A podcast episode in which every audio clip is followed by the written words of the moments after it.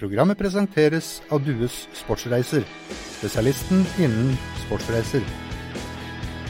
Hei og velkommen til fotballradioen 48, eller 47, snart 30 år gamle Jesper Mathisen. Hvordan, eh, hvordan har du det? Jeg har det veldig fint.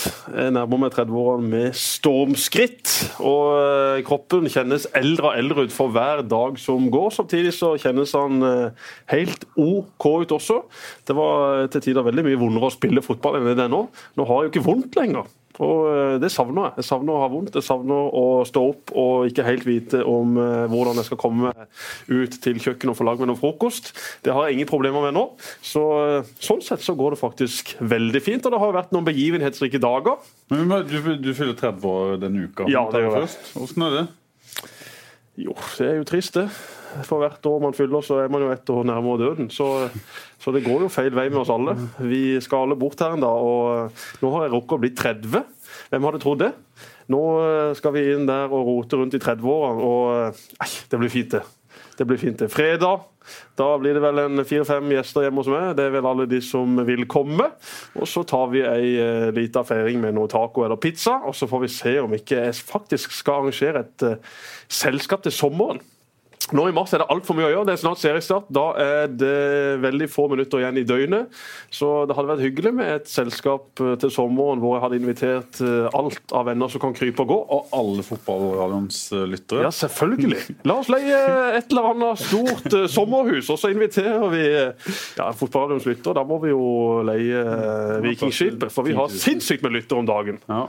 Ja, Ja, det men det er alltid gøy. med bursdag. Det er det. Jeg er- Jeg er veldig glad. Jeg gleder meg til å få haugevis av gratulasjoner på Facebook fra folk som ikke aner at jeg egentlig har bursdag, men som selvfølgelig ser det på sosiale medier. Og så er det jo Start Jerv på fredag. Ja. ja. Og eh, da har jeg forventninger om, om å få gratulasjoner både på LED-reklame, på storskjerm, over spikeranlegget, og ikke minst fra en fullsatt Sparebanken Sør Arena. Apropos spiker, du Ja. kan jo presentere vår neste Ja, Det finnes ikke mange gode spikere i Kristiansand by, men i dette studioet sitter de to beste. Da snakker vi ikke om det Pål Vollebekk Jørgensen, men vi snakker om vår gjest, som har vært en eh, mangeårig spiker både her og der. Han er med på en opptur nå i Vipers som spiker. Har vært i Start som spiker, og er ofte i Start som eh, både spiker og på indre bane. Dette er en hedersmann. Dette er en mann som gjennomfører Han har spilt i Start. ja, selvfølgelig, men det er jo ikke det vi snakker om nå! Nå snakker vi om det utenfor banen. Tore Løvland har selvfølgelig spilt masse kamper i Start. Han har aldri tilgitt Tusse for all den elendige defensive jobbinga som skjedde foran han. Men allikevel så er det en hedersmann. Tore Løvland, endelig velkommen. Jo, takk for det. Hyggelig å være her. Og Nå har jeg ringt rundt til eh, Tores venner og uvenner i formiddag for å prøve å få noen historier på han. De fleste har egentlig veldig mye positivt å si. Dette er en mann som eh, passer perfekt inn i sin rolle nå. For nå jobber du i kommunen, Tore, som Jeg jobber som arrangementskoordinator. og Det er å legge forholdene til rette for alle som ønsker å arrangere noe i byen vår. Sånn at de slipper å løpe fra kontor til kontor. Så kommer de til meg, og så hjelper jeg å legge til rette sånn at eh, det skal være enklere å arrangere noe i Kristiansand. Du har rett og slett Kristiansand kommunes eget eh, eventbyrå. Ja, eh, på en måte så er jo det. Så jeg prøver å hjelpe til sånn at eh, byen blir spennende, enda mer spennende enn den har vært. og har hatt uh, jobba i fire år nå og har en super jobb og trives utmerket. Og det de sier om Tore, altså Han er perfekt i den rollen, og han er perfekt i mange roller. Men det finnes bare én Tore. Han gjennomfører de oppgavene han får 100% og det er få andre i denne byen, i dette landet og på dette kontinentet som leverer slik denne mannen Vi- gjør. vi har Hva vært litt, eh, Mathisen? Ja, vi har vært litt altså- borti vi, Jesper. Jeg, jeg var prisutdeler i et eh, show borte i Arendal rett før jul, der du var konferansier. Der var ting på stell. Selvfølgelig var ting på stell. Dette var idrettsgallaen på Sørlandet, Ja. som Tore selvfølgelig styrte med full kontroll. Vi må Han- bygge det opp litt nå, Tore, før ja, men... Jesper antagelig skal bygge det Ja. Jeg skjønner det. Det er jo ikke bare Jesper, det er journalisten, journalister generelt. Bygg opp, bryt ned. Det er jo det. som er- Eller Tom Nordli. Bryt ned for å bygge opp, men det var ikke alltid han husker å bygge opp. Eh, En, eh, en bra mann, forresten. Tom traff han i går på landslagsuttaket til Lars Lagerbäck. Mer om det siden. Vi var på dette arrangementet i fjor. ja, Det var jo mer Davy Vatne som fikk æren av å være konferansierer. Det gikk eh, fint. det. Det var jo Aust-Agder. Et ja. strålende arrangement. Og eh, Davy snakker om det enda. Så eh, han får nok ikke fornya tillit, men han gjorde iallfall en god jobb. Men Tore, vi må jo få forklare litt mer da om de som er født enten seint på 2000-tallet her nå, eller de som er født fryktelig tidlig så de faktisk glemte at du har spilt fotball. Kjapt om din karriere og hvem du spilte sammen med. Hvilken epoke, hvem trente det? Altså, jeg, jeg er jo vigørgutt. Altså. Jeg, jeg var jo forholdsvis gammel når jeg ble henta Eller alt er jo relativt. Jeg ble henta til Start i 87. Da var jeg 22 år gammel. Uh, og da var det Brian Green som var trener. Uh, jeg tror nok kanskje din far hadde en uh, finger med i spillet, for han var, jo da, han var jo i systemet, og jeg var jo spiss. Og skårte jo ganske mye mål i vigør det året der. Så uh, rykka vi jo ned det første året jeg var i Start. Jeg fikk ikke så veldig mange kamper. Jeg fikk syv-åtte, uh, tror jeg kanskje. Uh, så rykka vi ned. Som spiss? Ja, som spiss. Så rykka vi ned, så overtok Karsten Johansen. Og så ble jeg omskolert. Men det var mer på Lydåsen, som ble, begge to var spisser. Vi ble omskolert til henholdsvis midtstopper og back. Og det var back jeg spilte da siden. Og så kom jo Brede Skistad og overtok etter Karsten. Og så uh, døde jo Brede, dessverre. Og så kom, uh, Brian, så kom uh, Steve Perriman inn.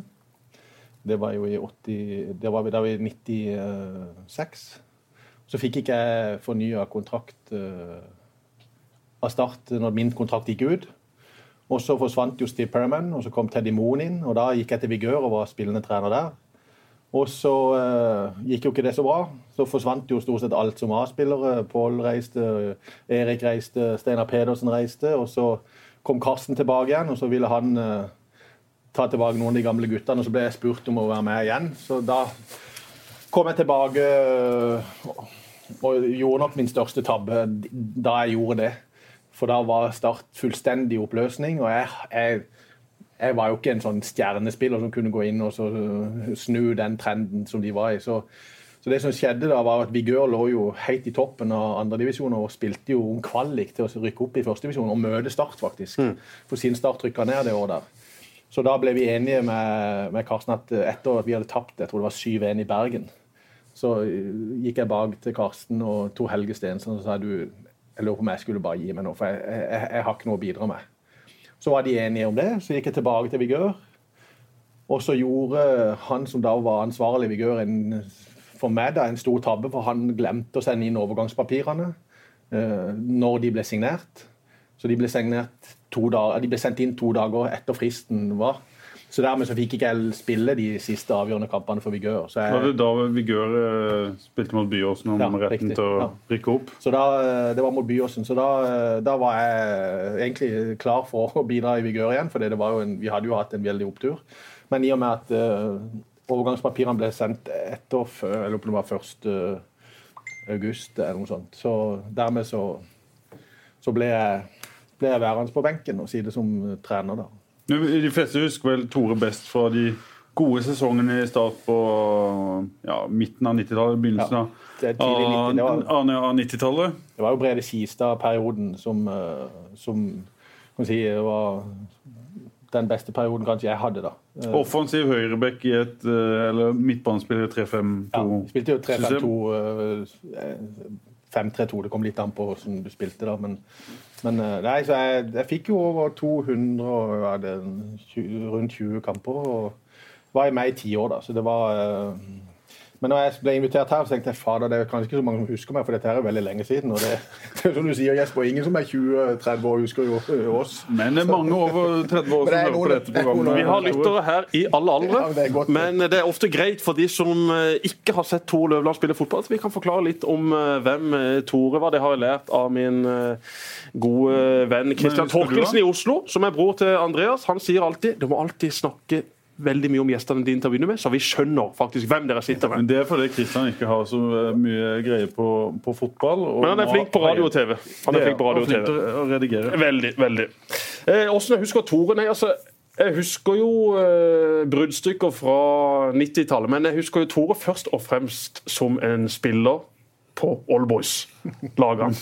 Og uh, du spilte jo ikke på Start Allboys, Tore. Du var jo en av Starts tøffeste rivaler. Og en av de historiene som har gått igjen, og som jeg også hadde gått igjen hvis jeg hadde gått opp på Oddernes på kirkegården der og snakka med pappa, det er en gang dere møtte hverandre. Det var en kamp oppe på Hellemyr, Helt riktig. og det var et mål som ble skåra. Men hva skjedde så? Altså, kamp, det var jo, det var jo storoppgjøret i Aalborg. Det var den gangen det var elleve, nå er jo Aalborg syv år. Det er jo ikke fotball. Aalborg er bare tull. Ja, det er bare tull. Men det, det, altså, dette var årets Ja, oppgjør. og det er jo kanskje Start stilte jo med Bård Wiggen, Pål Lydersen, Ola Klepp, Klaus Eftervåg, Sjur Eftervåg, Svein Mathisen, eh, Aasen-brødrene, altså, Morten Pettersen. Det var, det var jo stjernegalleri. Og vi, eh, Grim, som jeg spilte for det, det er jo gamle vigører som på en måte blitt en del av Grim. og det den eneste, ja, Rune Borgen spiller der. eh, Rune Nattvig er en av de største talentene på den tida. Men ikke minst Tom Jarle Thomassen spilte jo spiss. da, så Det var jo bare å gi ham ballen, så, så skåret han. Og vi leda 2-0. Og eh, det ble ampert, selvfølgelig, som det blir. Og så eh, var det Petter Pavliuk som sto i mål, eh, og Aasen tror jeg det var som kom fri. og Så skyter han, og Pavliuk redder, men så kommer ballen datt dettende ut. Og Pavliuk han ligger nede på og kommer seg ikke opp. Så Aasen vipper den ballen over keeper. Og jeg løper inn på streken. Ballen treffer tverrleggeren og detter ned på streken. Og der står jeg og blåser han langt, langt vekk. Og så dømmer dommeren mål. Og da, fly, da fløy jeg i flint og tok for meg han dommeren. Og jeg tror Hvem var dommer? Husker du? Ja, jeg husker det. Ja, vi må ha navn. Han var ikke noen toppdommer, men Einar Kallhovd. Einar Kallhovd. Ja, så det, det som skjedde da, det var at jeg fløy i flint eh, og klarte å overtale han til å omgjøre den avgjørelsen. Så han, han dømte ikke målet likevel. Så det Og så ble de tatt imot av de gule og svarte. Nei, det, det ble jo tatt veldig dårlig imot. Din far sa blant annet etter kampen så sa han det at Tore, jeg har alltid syntes du har vært en OK type, men nå, nå er jeg ikke så sikker lenger. Så det, også, men det som hører med til historien òg, er at vi vant jo til slutt 4-1. Men lyset på Hellemyr gikk fem minutter før slutt, så det var altså totalt fiasko for disse gule. Og da ble du beskyldt av pappa og Bård Wiggen om at det var du sjøl som hadde slukka lyset. Ja, det gjorde jeg jo, så det var jo helt naturlig fra sånn som kampen på. De måtte legge all skyld på oss. Men det som var gøy, da, det var at eh, noen dager etterpå så var jeg på en konferanse inne i Oslo. Og da var det Ivar Hoff som var innleder.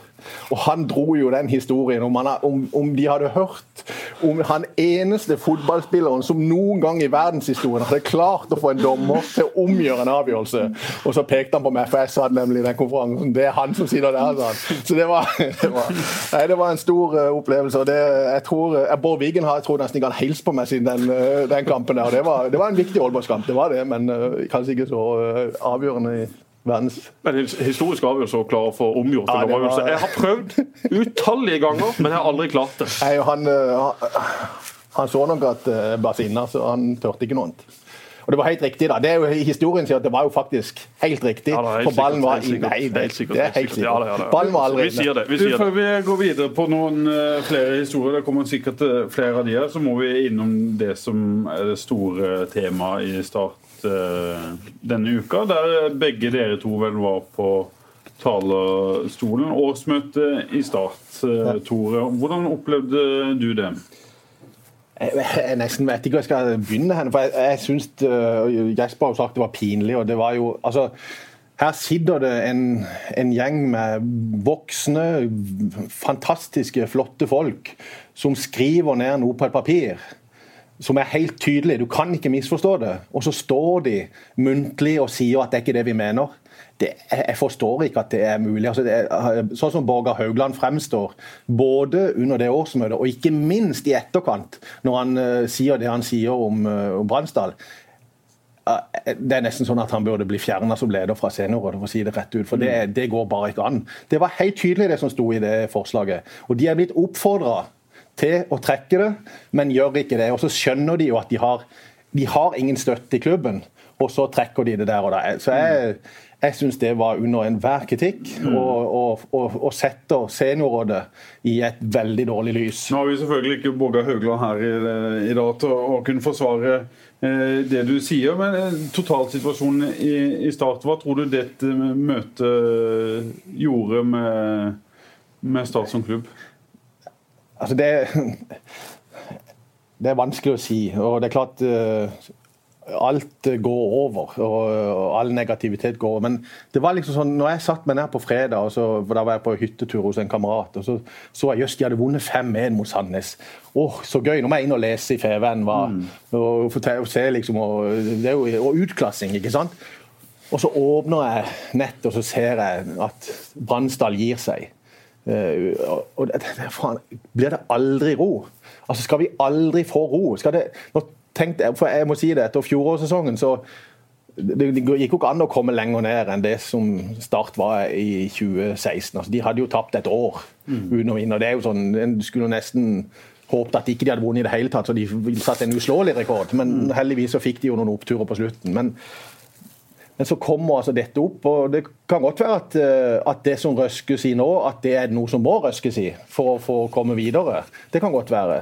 Eh, og jeg tror, en, eh, jeg tror Start har fått den beste formannen de kunne ha i Geir Tønnesland. En fantastisk fyr, klartenkt, og som har et vesen som gjør at han får respekt egentlig alle mm. plasser. Så, så det kan godt være at dette fører noe godt med seg. Men, men er du enig i at det må ryddes ganske kraftig, som Jesper har tatt over Jeg tror det kan være en fordel nå, sånn som jeg har lest at det ble skissert, at, at en skiller bredde og topp. Det kan, sånn som Vipers har gjort. Det tror jeg kan mm. være en, en stor fordel. Eh, og så er det ikke så er det jo ikke på styrerommet eller der som fotballen blir spilt. Men, men en, ha en klar og tydelig ledelse det er en stor fordel, og det kan godt være det og En så jo det i det årsmøtet at det var jo en, en enorm uh, interessekonflikt i forhold til det som handler om toppfotball og det som handler om bredde. Mm. Og Jeg har full forståelse for at uh, foreldrene ønsker at det de bidrar med i dugnad, skal gå til sine barn, og ikke til spillerne på A-laget. Det har jeg full forståelse for. Men en må finne en rolle som at det går an å drive videre på en fornuftig måte. Mm. Hvilke tanker har du Jesper, i dag etter at det har gått noen dager? Nei, eh, for å ta det først, så var jo eh, Even Balsdal, sjef i Start, trakk seg etter eh, kampen på fredag, der Start slo Sandnes Ulf 5-1. Grunnen til det var at han over lang tid har følt at han ikke har hatt den tilliten han trenger innad i enkelte deler av klubben. Det ble til slutt det som fikk det til å renne over for han, med to forslag som da ble lagt fram på årsmøtet. Even eh, og styret prøvde å gå i dialog med, med, begge disse partene for å se om de kunne trekke disse forslagene. Det nekta de for. Og Så kommer vi til årsmøtet, og så får de så ørene flagrer der.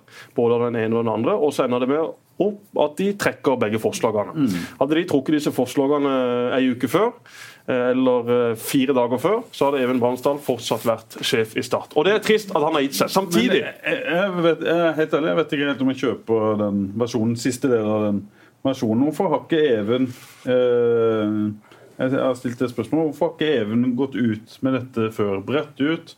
Innkalle til et møte, alle i klubben, gjerne media hatt et åpent møte. Vi har et stort problem i klubben. Han har jo åpenbart Du er med han. Eh, Geir Tønnesland er med han, eh, Tore Løvland er med han. Veldig mange er med han, jeg er enig med han. Hvorfor er ikke dette blitt tatt tak i før?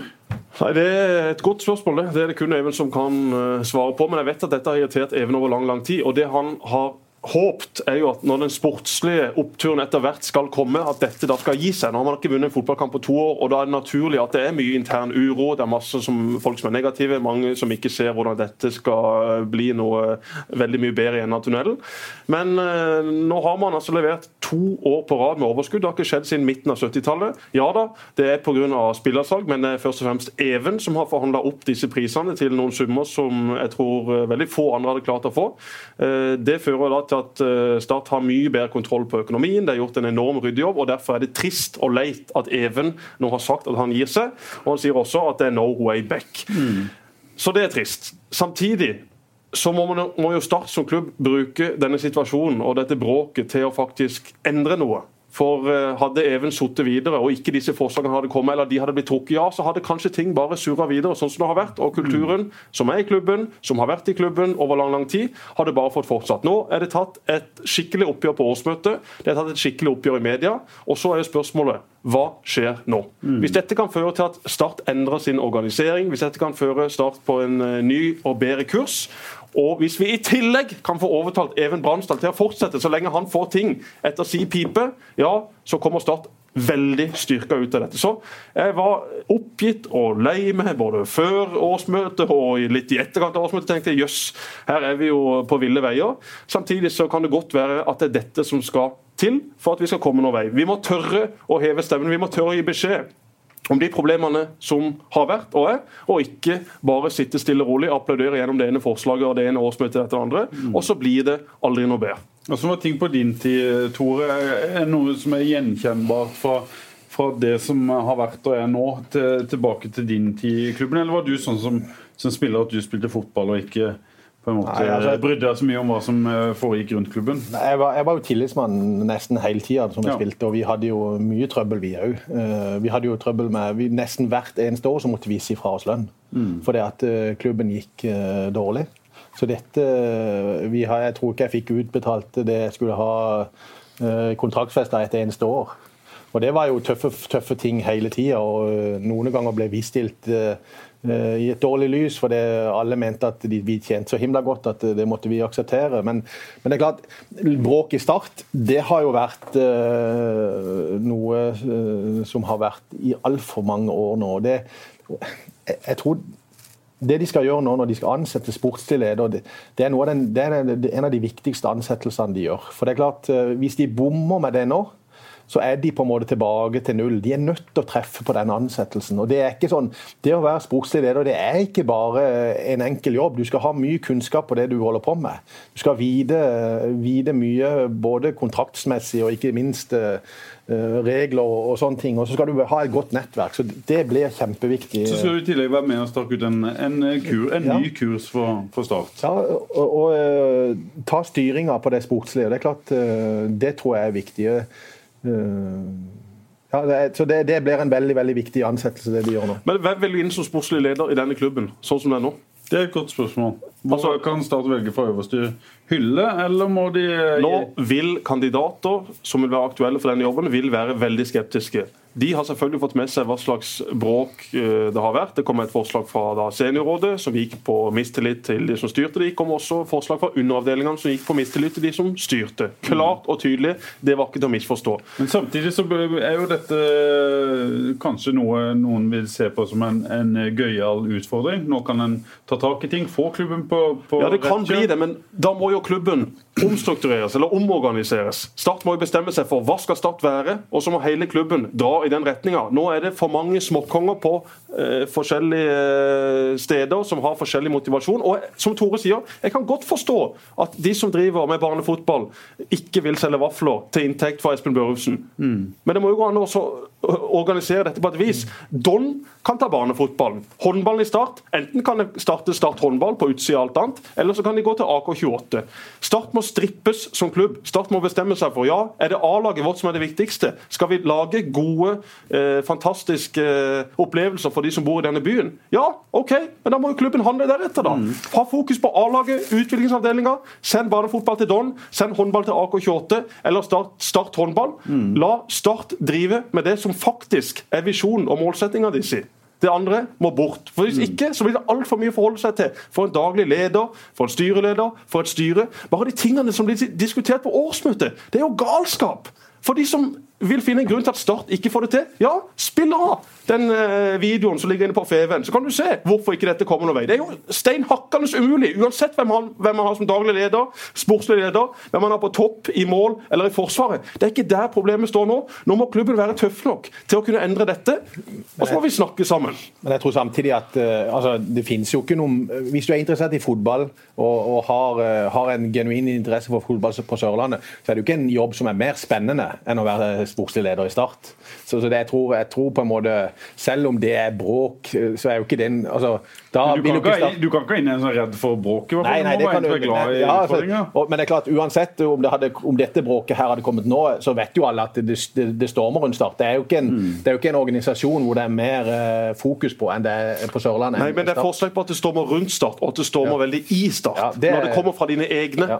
Når det, når det blir så mye intern uro og interne maktkamper. Det er jo da problemet kommer. Men jeg er helt enig, du må jo inn i den jobben. De må jo elske bråk. Det er jo Alle snakker om Start i lunsjen. Gå inn på FVN i dag, så på hvem var de fem mest leste sakene. Tre av de var fra Start. Ja. Selvfølgelig. Start engasjerer. Men nå må vi komme i gang! Kan ikke surre rundt i Obos-ligaen! Skal spille mot Arendal og Jerv! Start må bestemme seg for. Vil man skape et topplag? Ja, OK.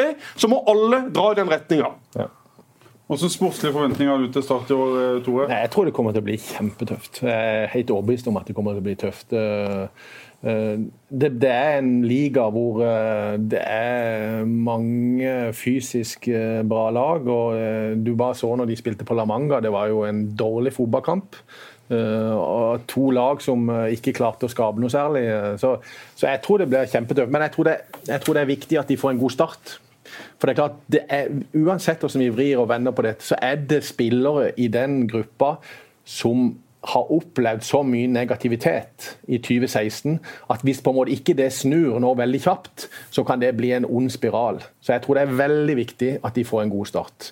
Og Klarer de å få en god start, så kan det godt, kan det godt være at dette går uh, strake veien opp igjen. Mm. Men det blir ingen walk in the park. Det er jeg helt overbevist om. Det har snudd litt, Vinden har snudd litt etter siste treningskampen treningskampene til start. der uh, både bookmakere, som du jo legger en del vekt på, Jesper, og Eh, eksperter eh, nå sier at Start er den store opprykksfavoritten. Hvorfor har det blitt sånn? Fordi at uh, Start har veldig gode resultater fra treningskampene. Slo Mjøndalen 4-0 borte. Det var ikke en 4-0-kamp, men resultatet står nå sånn på, på internett. Uh, en uh, veldig middels kamp på La Manga mot Levanger, som Tore sier. Og så en veldig imponerende andreomgang mot Sandnes Ulf, hvor man rett og slett rundspiller de. Men du må ikke glemme at I Sørlandshallen, på et dekke som Start kjenner Start best av alle taper aldri i Sørlandshallen, så det er veldig vanskelig er, for lag å komme dit. Og så er treningskamp og treningskamp og seriekamp og seriekamp. Jeg husker det det ene året vi, vi, eh, vi ble tippa som gullfavoritt foran Eggen og, eh, og eh, Rosenborg. Før 1992-sesongen? Ja, der sto det, husker det sto dobbeltside. Liten mygg velter stort lass. Og Der var det bilde av Erik Myggen som sto og holdt på en sånn firkant som det var, var Nils Arne Eggen. ikke sant? Og, det, og, Da hadde vi jo slått de, vi hadde rundspilt de i treningskamp. Mm. Møtte de i første seriekamp på Lerkedal og tapte 2-0. ikke sant? Altså det, du, det, det, det, er, da det gjelder. Og da er det ja, det, det Men som Tore sa i stad, for denne gruppa er det viktig å ha god opplevelse, ja, også om vinteren. Så en treningskamp for denne gjengen betyr mer enn en treningskamp ville gjort for en normal gjeng. For her er det mye Men får vi et godt svar likevel på fredag, for da er det Jerv, og da kommer vel Jerv med det beste de skal stille. og Nå er det to uker igjen til til seriestart. Får en skikkelig pekepinn da, Jesper? Ja, Det er jo to av de eh, klare opprykksfavorittene. Og Noe av grunnen også til at Start har sett håper jeg, bedre og bedre ut med tanke på et opprykk, er jo at de lagene som man kanskje venta skulle være der oppe, Fredrikstad, Sandnes Ulf og Bodø-Glimt, ikke har sett sin imponerende ut. Alle de lagene har eh, sånn sett gode spillerstaller, gode mm. elvere, men det har ikke sett så imponerende ut. Og Da kommer Start fram.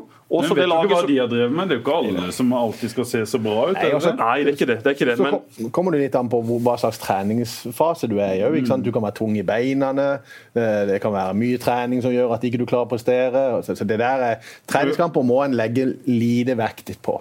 Men oljeboyskamper, der legger vi mye vekt. Det gjør vi. Det, det er veldig mye vekt på. Ja. Programmet presenteres av Dues Sportsreiser. Spesialisten innen sportsreiser. Men Jerv er jo det laget som har imponert mest i vinter, i mine ja. øyne. Spiller en fantastisk fin fotball. Arne Sandstø flink, har henta inn typer som passer i hans uh, måte å spille fotball på. Og Jerv har ingenting press på seg, selv om det er en av opprykksfavorittene. Det er jo Start og Bodø-Glimt og Sandnes Ulf og Fredrikstad som har mye større press enn Jerv. Mm. Jerv har vært i kvalik to år på rad. Fantastisk. Jeg tror de er enda sterkere i år, så Jerv kommer til å være med helt der oppe. Men de har liksom en helt annen inngang til det. Og det er også Arne Sandstøs væremåte, at ja, han klarer å ufarliggjøre dette både for de unge og de gamle. Så Jerv de blir veldig skumle med tanke på et opprykk. Kan, kan vi få to eh, lag fra Sørlandet i Eliteserien innen et par-tre år? Ja, det, det, er klart du kan det, eh, men, eh, men, det er jo dette med ressurstilgangen. For det er klart, jeg har sagt det at i forhold til Vipers og den suksessen de gjør, det, og så sier jeg det, det er én ting å gjøre suksess i kvinnehåndball, hvor på en måte I'm Sandra, and I'm just the professional your small business was looking for. But you didn't hire me because you didn't use LinkedIn jobs. LinkedIn has professionals you can't find anywhere else, including those who aren't actively looking for a new job but might be open to the perfect role, like me. In a given month, over 70% of LinkedIn users don't visit other leading job sites. So if you're not looking on LinkedIn, you'll miss out on great candidates like Sandra. Start hiring professionals like a professional. Post your free job on linkedin.com/people today. Behov for økonomi ikke er så stort som det er Du kan du gjøre kan, mye med et par millioner. du kan gjøre det. Altså, hvis du skal kjempe om å være best i Norge, så må en se hva er det da en kjemper mot. Ja, da kjemper en med Rosenborg som har 200 millioner, eller hvor mye de har i budsjett. ikke sant? Så det, så det, det gapet er så enormt stort. Men det er klart, det, og det, Tom Nordli sier jo mye sant, at det som er gratis, det er jo der han må være god. Og Det er jo å trene skikkelig. Men, men det handler også om å finne de riktige spillerne, de riktige typene som passer inn i det laget som du skal ha.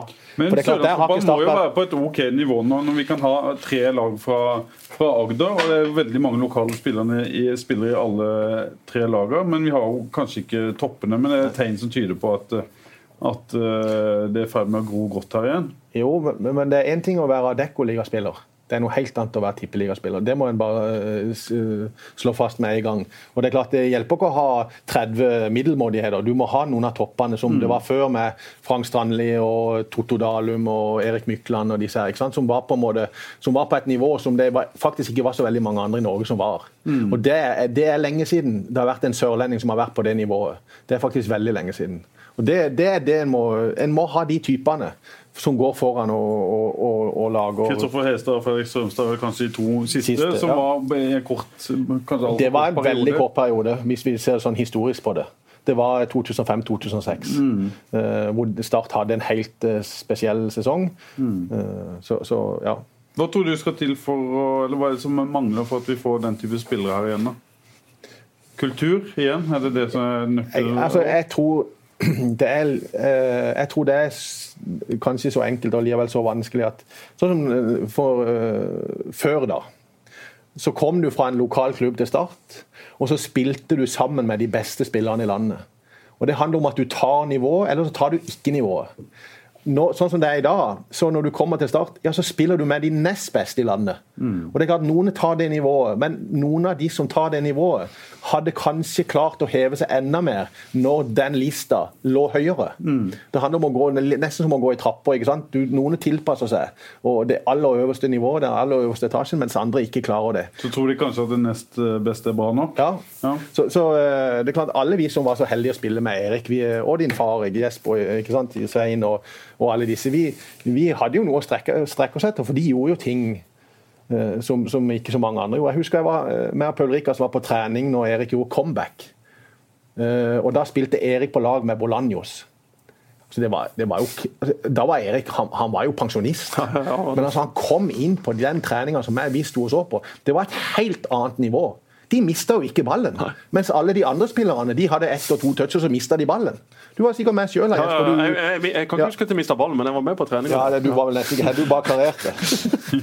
Nei, men altså, det, ikke sant? Det, det sier noe om at eh, Det kan godt være vi får en ny Myggen, og det, forhåpentligvis så gjør vi det snart. Men vi er helt avhengige av disse her toppene for at dette skal, for at Start skal bli et Så er det topp. noe med, eh, som du er inne på, hva, hva en møter på, på trening. Det er jo ikke rart at Lars Jørgen Salvesen ser god ut på trening når han møter stopper fra Start 2. Nei, absolutt ikke. og Det har vi stått og snakka om mange ganger på sidelinja. vi, at eh, ja, Det ser bra ut på trening, og han og han ser bra ut på trening, men du må jo tenke på hvem man faktisk møter. Eh, og akkurat det Tore snakker om, det å ha en referansespiller når du kommer inn der. Slik Kristoffer Ayer var for ungguttene, og etter hvert også var for hele avstanden til Start. Jøss, han her, han trener mer enn alle oss. Vi må også det. Skal vi henge med på utviklingen her, så må vi faktisk også gjøre det samme. Hvem hadde du som eh, sånn eh, referansespiller? Jeg hadde en hel haug. Jeg det en hel haug. Jeg kom opp i 2003-2004. Og da var eh, Doffen, Fredrik, Marius, Steinar, etter hvert Atle Roar. Han trente jo sånn sett aldri, men han var god i kamper. Eh, men det var en haug av spillere. Tom Nordli, Bård Borgersen. Altså, det var jo ikke noe tvil om hvor lista lå som ung spiller da. Altså, eh, Med all respekt for de unge som er i Start i dag, men vi var på et helt annet nivå. Men vi fikk ikke spille for Start sin stall, og Start sitt lag var også på et helt annet nivå. Og det er jo også grunnen. Vi kan godt sitte og applaudere at det er masse lokale unge spillere, men hvorfor får de sjansen? Jo, et par av de kunne godt være at de hadde fått sjansen uansett hvis Start hadde vært på normal standard. Men nå er jo Start på et historisk bunnivå. Derfor tvinger det seg fram med veldig mange unggutter, som gjør at produktet til Start nå ikke er sånn kjempesexy, men det gjør at om litt tid så kan veldig mange av disse unge spillerne faktisk slå gjennom, selv om de kanskje ikke hadde gjort det med et normalt lag. Ser du noe veldig spennende noe sted i starten, og Noen spillere som du tenker har eh, det ekstra? Ja, altså det, det, er det jo selvfølgelig. Men det er ikke sånn at at, er, at, du på en måte venter at nå skal de bli nasjonale kvalitetsspillere. Sånn, jeg, jeg, ser ingen der i dag. Jeg synes det, noen av de mangler fart, og det tror jeg er veldig viktig i, dagens uh, fotball. Men, men, det jeg skulle si litt altså, Jeg har jo vært, har vært på, i restauranten før startkamp og, og, og intervjua haugevis av starttrenere. Og så er det jo sånn Foran hver kamp ikke sant, så prøver du å hype opp stemninga. Og så er det sånn at ja, nå har vi hatt en veldig god treningsuke. Mm. Men det er klart, det hjelper jo ikke å ha en god treningsuke når det du møter på trening, ikke er det samme som det du møter på kamp. For det at nivået og tempoet på det du, du, opplever på kamp, da, er noe helt annet enn det du klarer å produsere på trening. Og Det er jo det som skjer når du har gode spillere i stallen, altså de aller beste. Så har du det nivået på trening som du får igjen i kamp. Og Det tror jeg ofte er en utfordring. Nå, nå kan du si, I Rosenborg, hvor du har, kvalit, du har 20 kvalitetsspillere, så har, du, så har, du, kvalitet på trening, og du har kvalitet ut fra det du møter på søndagen. Mm. Mens det, det, men de svakere lagene har ikke den kvaliteten på treninga som det de møter på søndagen. Nei. Og Det tror jeg er veldig viktig. og Det, det nytter ikke å ha Det er jo som du sier øh, at Roar Haaland trente aldri. Ola Klepp han trente jo heller nesten aldri. Men han var, jo, han var jo en av de beste i hver kamp. Han var jo skada og dårlig i beina. Liksom. Han var på fredagstreninga. og Folk som var nummer 13 og 14 i stallen, de var jo dritforbanna for at Ola skulle spille hver gang. Men det var aldri noen tvil om at Ola skulle spille, for han var, han var så god, ikke sant? Så, så nei, det, det der eh, det er veldig viktig. altså at du har... Men Dette har jo også tvunget seg frem pga. økonomi. At Start har en mindre stall og det blir rett og slett dårlig matching. Og det gir Steinar og de som skal trene laget, dårlige forutsetninger for å faktisk vinne fotballkamper. Så alt dette henger sammen. Også, ja. Bare for å ta en ting som vi må snakke bare kjapt om, og det er jo eh, vi var innom det i start, hvordan Start skal organiseres osv. Mm. Og mange lurer sikkert på ja, hvorfor Start var Start toppfotball for eh, fire-fem år siden, men så gikk Start stadion konkurs, som var et av selskapene til Start toppfotball. Og da skyldte Start toppfotball så mye penger at de måtte bare kvitte seg med avtalen de hadde med Start stadion osv. Og, og så måtte de inn da i idrettsklubben. Så Det var grunnen til at det skjedde da. Det var pga. økonomi, og det var stadion sitt selskap, som ja. Da pga. noen momsrettssak og noen landrettigheter ikke gikk statsvei. Dermed var det inn igjen i idrettsklubben. Mm. Så det kan jo godt være at man eh, ikke skulle eh, gjort det hvis ikke det hadde vært for økonomi. Men i alle fall bare se alle de der ute som lurer på det. Hvorfor gikk Start fra å være Start toppfotball til å være IK Start den gang? Ja. Så var det pga. økonomi. Samtidig var jo eh, spillergruppa som var vel Om de ikke var ansatt i Start, så lå spillerrettighetene yes. fortsatt i, i, klubben. Så det var mye å ta hensyn til den gangen når en var organisert som Start toppfotball. Men det er jo vanskelig materie for folk som ikke heter Magne Kristiansen. Det er det. det er veldig... Eh, du skal ha noen vekttall i økonomi for å skjønne alt dette. Men eh, iallfall for de som lurer, ja, så vet de iallfall det nå. Veldig enkelt forklart. Har du noe på Tore Løvland? Om vi har noe på Tore Løvland? Eh, altså, jeg måtte jo sende en melding til Paul. Paul er jo alltid aktiv på, på Facebook. og Vi kan jo bare begynne. Spør han om et innkast mot Tromsø og Fair Play. Ja, den, den, måtte jo komme. Ja, Det var den første han skrev. Ja, jo, jeg har jo en del med Terje Markussen å gjøre, for det er spiker på Viper. så eh, Terje har én ting på meg, og det er den, den saken du refererer til der. Og den bruker han i alle mulige sammenhenger hvis han vil kjøre med. Altså, det var eh, det var, Vi spilte mot Tromsø på Kristiansand stadion, og så lå vi under 1-0. Og så eh, så var jeg så Jeg ble jo litt fyrt, for det, de, de drøyde så sykt. Det var jo han Trond Johansen og disse guttene, ikke sant. Og så eh, ble det vel en skade, og så, eh, så spilte de ballen ut tenkte jeg faen, kunne ikke bare spilt videre? Så tenkte jeg, så skulle jeg ta det innkastet, da. Så jeg gadd ikke å hive den ballen tilbake til Tromsø-spilleren, så heiv han til en startspiller. Og da kom han Trond Johansen. Han holdt på å kaldkvele meg fordi at jeg hadde 'Løvland, de jævlig!' Og så sa han mye stygt på en gang. Så, for da jeg, var, jeg viste jo ikke fair play da. Jeg heiv jo den ballen til en startspiller og ikke til en Tromsø-spiller. Og, og, og det, det, som var gøy, det var jo at mange, mange, mange år etterpå Arne Skeie kommenterte en fotballkamp, så, så, er det jo alltid applaus når, eh, når, de hiver tilbake til motstanderen. ikke sant? Og så sier Arne ja, jeg har bare opplevd én gang at det ikke skjedde, og det var på Kristiansand stadion.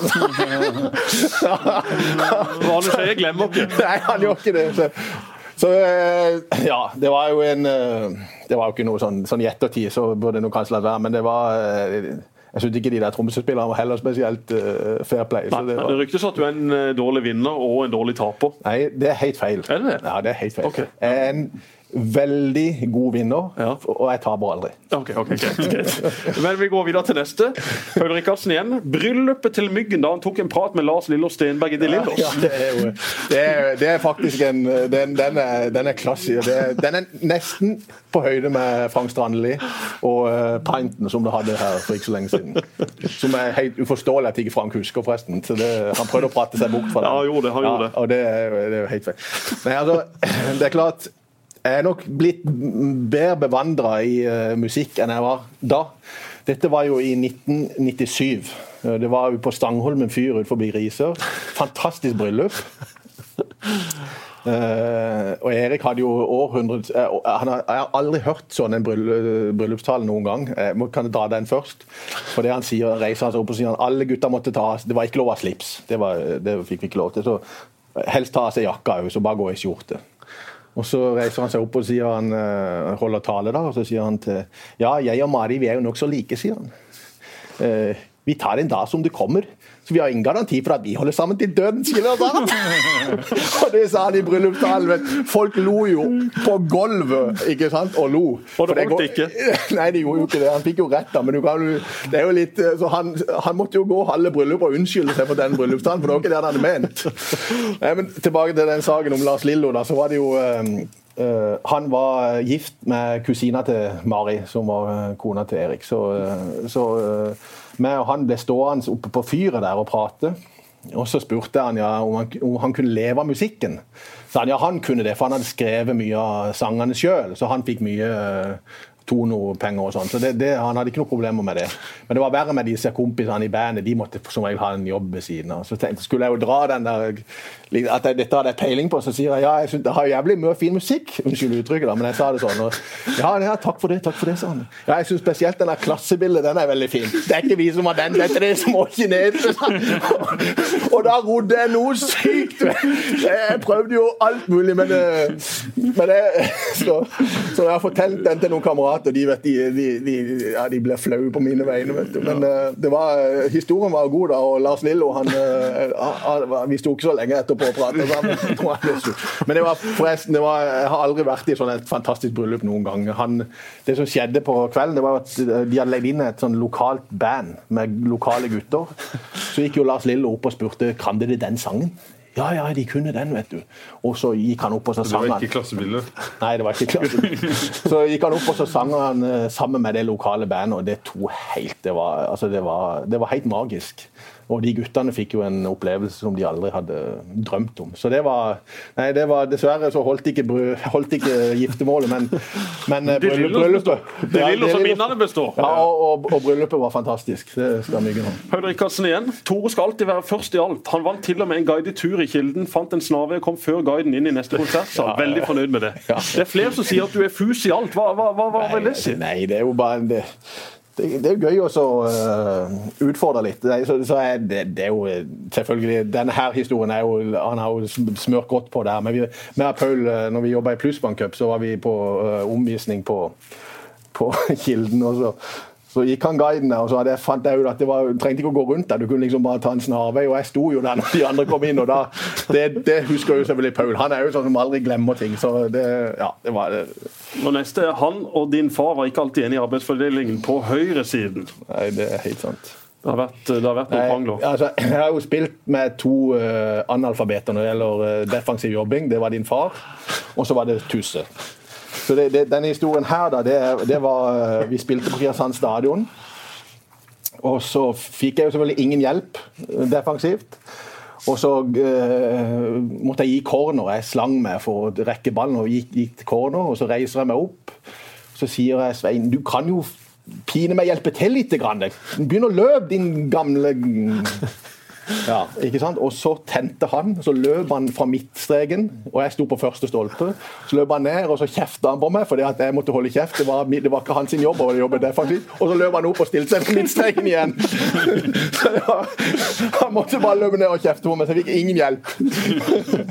Var, Og Tusse da, Tusse har jo vært en fast gjengang i denne radioen. og Jeg skulle hilse fra han, og han sa jeg, jeg håper Tore kan tilgi meg for alle Ja, ja, de gangene jeg ikke hjalp han defensivt. Jeg har tilgitt Tusse for lenge siden. Det kan du bare skrive hilsen og si. Nei, altså, Tusse var jo sånn, han, han, han, han løp jo aldri over midtstreken den tilbake igjen. Han var øh, Men når det gjelder Tusse, da, så er det Jeg glemmer aldri øh, Han var jo en ekstremt hurtig spiller, og hadde jo ei finte, skuddfinta, som alle gikk på. Tusse fint, da. Ja. Helt nydelig. Og en, en svogeren min, som som da John Øyvind Olsen, som spilte for Vigør, han, han ble jo De lo jo eh, når, han spilte, når Tuse spilte for Jerv og møtte Vigør. Når, Tusse etter 25. gang lurte Jonna, som vi kaller han, på akkurat samme finta. Da, da, begynte alle på sittetribunen på, på Jerv eh, på, i Grimstad å le. Så eh, Nei, så Tusse, det, det jeg aldri glemmer Tusse, det var Vi spilte jo mot Tromsø på Kristiansand stadion.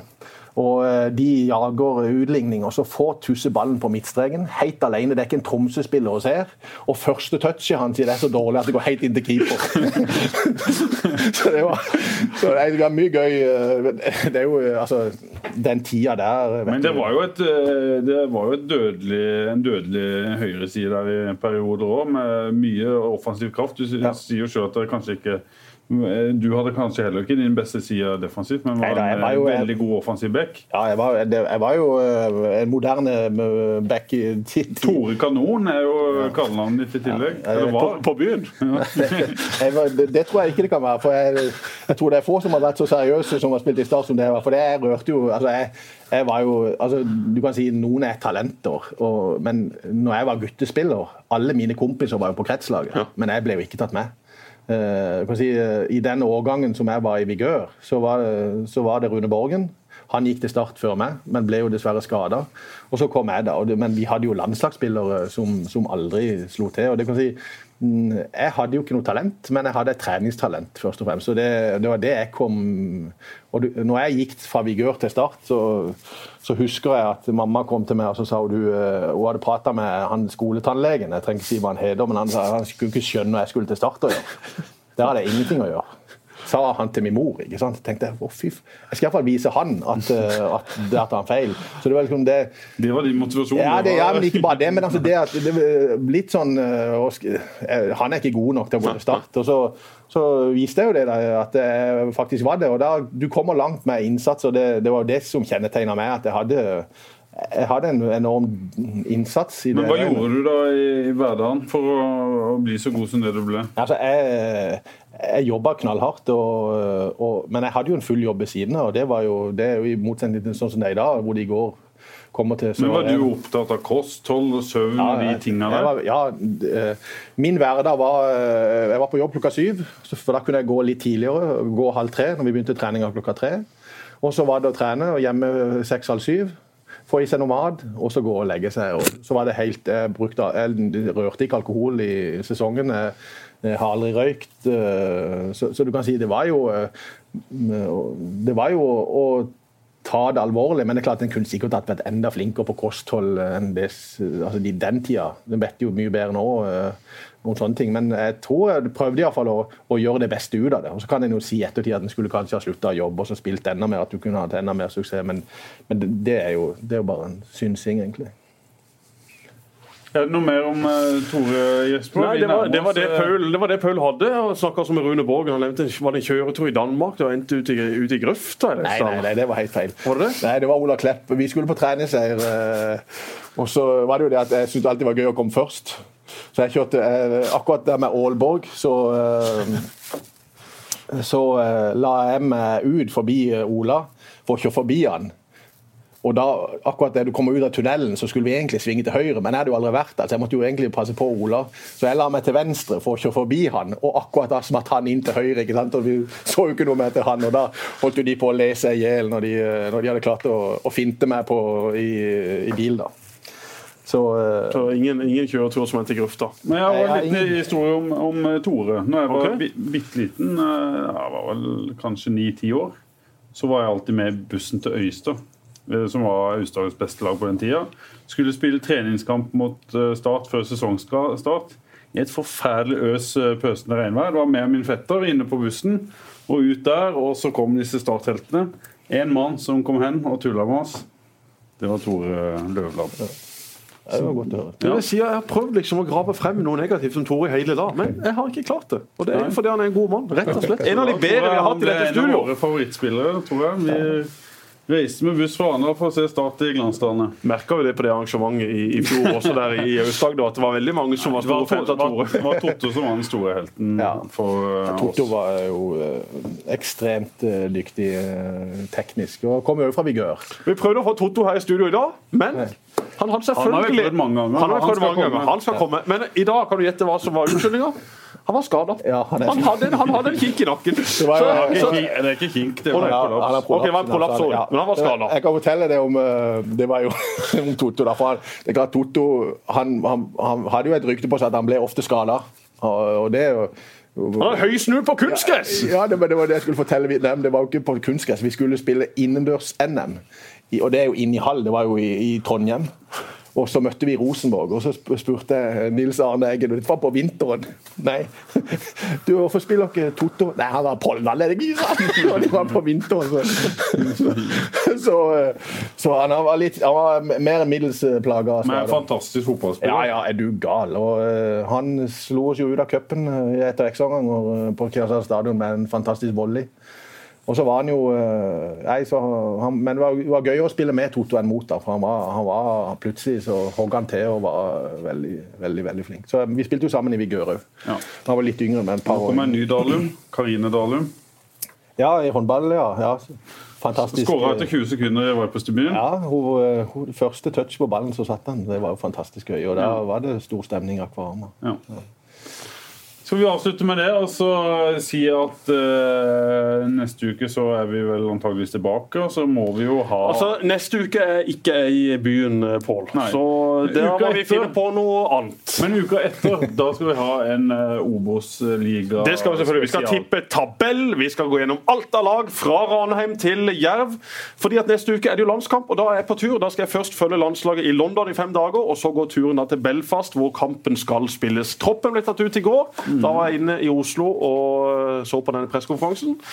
Sander Berge inn i troppen. Veldig gledelig. En meget talentfull spiller som eh, må starte kampen der borte også, sammen med Stefan Johansen sentralt på midten. To formsterke midtbanespillere. Men hvem skal spille midtstopper på dette laget? Der har vi et stort spørsmålstegn. Det blir veldig interessant å se hva slags lag Lagerbäck tar ut, og hvordan han skal organisere opp dette. Og du hadde hørt noe om at han også hadde blitt eh, litt imponert over en av fotballradioens største fans. Kristoffer Ayer hadde han også lagt litt merke til borti Skottland. Ja, Det kom en liten sak fra NTB her eh, tidligere i dag, som sikkert ikke blir lagt ut noe sted. eh, Men der sto det altså at eh, noe av det Lagerbäck var mest imponert av i sitt arbeid med å, å kartlegge spillere, var nivået på unge spillere. Og da sa han i samme setning vi har en 18-åring som spiller i Skottland, som har imponert meg. sa han. Så da har tydeligvis Lagerbäck via Sem, tipper jeg, fått beskjed om å kikke litt ekstra på Kristoffer Ayer. og antageligvis kartlagt. Så kanskje Kristoffer ikke er så langt unna. som- Nei, se på de midtstopperne som, eh, som er tatt ut. og så videre. Kristoffer Ayer er ikke veldig langt unna de sitt nivå. Hvis han nå fortsetter å utvikle seg som midtstopper, så inn i en eh, Han spiller kanskje på et litt lavere nivå enn andre Bundesliga? han spiller på et uh, lavere nivå enn andre Bundesliga, men det er jo ikke sikkert han spiller uh, på dette nivået neste sesong. Hvis han nå fortsetter å spille bra, så er ikke Ja, ikke hva tenker du om. Kristoffers uh, vei videre? Jeg sa Forrige gang jeg snakka med han at det utrolig fornuftig karrierevalg å å gå fra eh, Celtic og ned i et eh, lag i samme divisjon som man kan spille. Men så, hvis han er god der, så må han kanskje ta et mellomsteg til før han er inne på Celtic, eller? Ja, det er jo eh, fort gjort å tenke sånn, for Celtic er en veldig god klubb med veldig masse gode fotballspillere. Så det å slå seg inn på Celtic så ung som han er i den posisjonen, det blir veldig vanskelig. Men Brent Rogers har vært fornøyd med det han har sett. De følger han hver eneste uke. Og han sier jo sjøl at han blir kåret til banens beste i nesten hver eneste kamp. Det er det ingen som kan dobbeltsjekke. Ingen kan sjekke det, for ingen av oss som sjekker skotske aviser. Selv, selv ikke Lars Lagerbäck leser sikkert skotske aviser, så han må bare fortsette å skryte av seg sjøl. Det er noen som ser kampene hans. Jeg har sett et par av de. Da har han vært solid. Og Sist kamp så slo han da var det Ross County. og Den han spilte mot der, det var en spiss som er tatt ut i Nord-Irlands tropp. De vant 2-1. Han skåret riktignok målet da han spissen her fra Nord-Irland, men eh, det er ikke så veldig langt unna at uh, Mr. Ayer er inne i en A-landslagstropp. Og det er jo veldig gledelig. Og så uansett, så er det jo, så lenge han er god på det nivået han er på, så er jo det et bra tegn. Altså Hadde han, hadde han gått der og, og ikke prestert, mm. så hadde jo det Men, men han jeg, jeg hadde besøk av Kristoffer hjemme her når han var hjemme nå sist. og fordi han er, han, er, jo kjæreste med Karoline, som er, onkel til.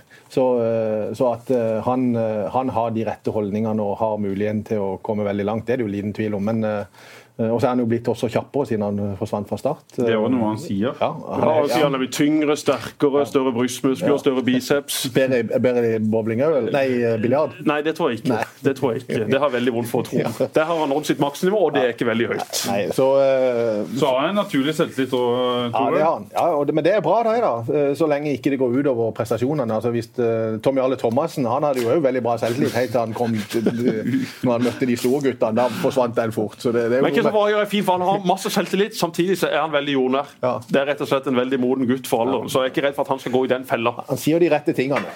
Han er veldig flink på det. Han er, han er veldig flink til å være sympatisk. Men vi som kjenner han litt bedre enn alle andre, vi vet at bak fasaden så skjuler det seg en uh, liten luring. Vi skal ha en spådom som, uh, på slutten her, før, uh, som ikke Skal du prøve å avslutte programmet igjen? Ja. Det, det er ikke, her er det ikke lov, er ikke lov å si Kristoffer Ayer. Hvem er neste sørlending på Norges A-landslag i fotball, Tore?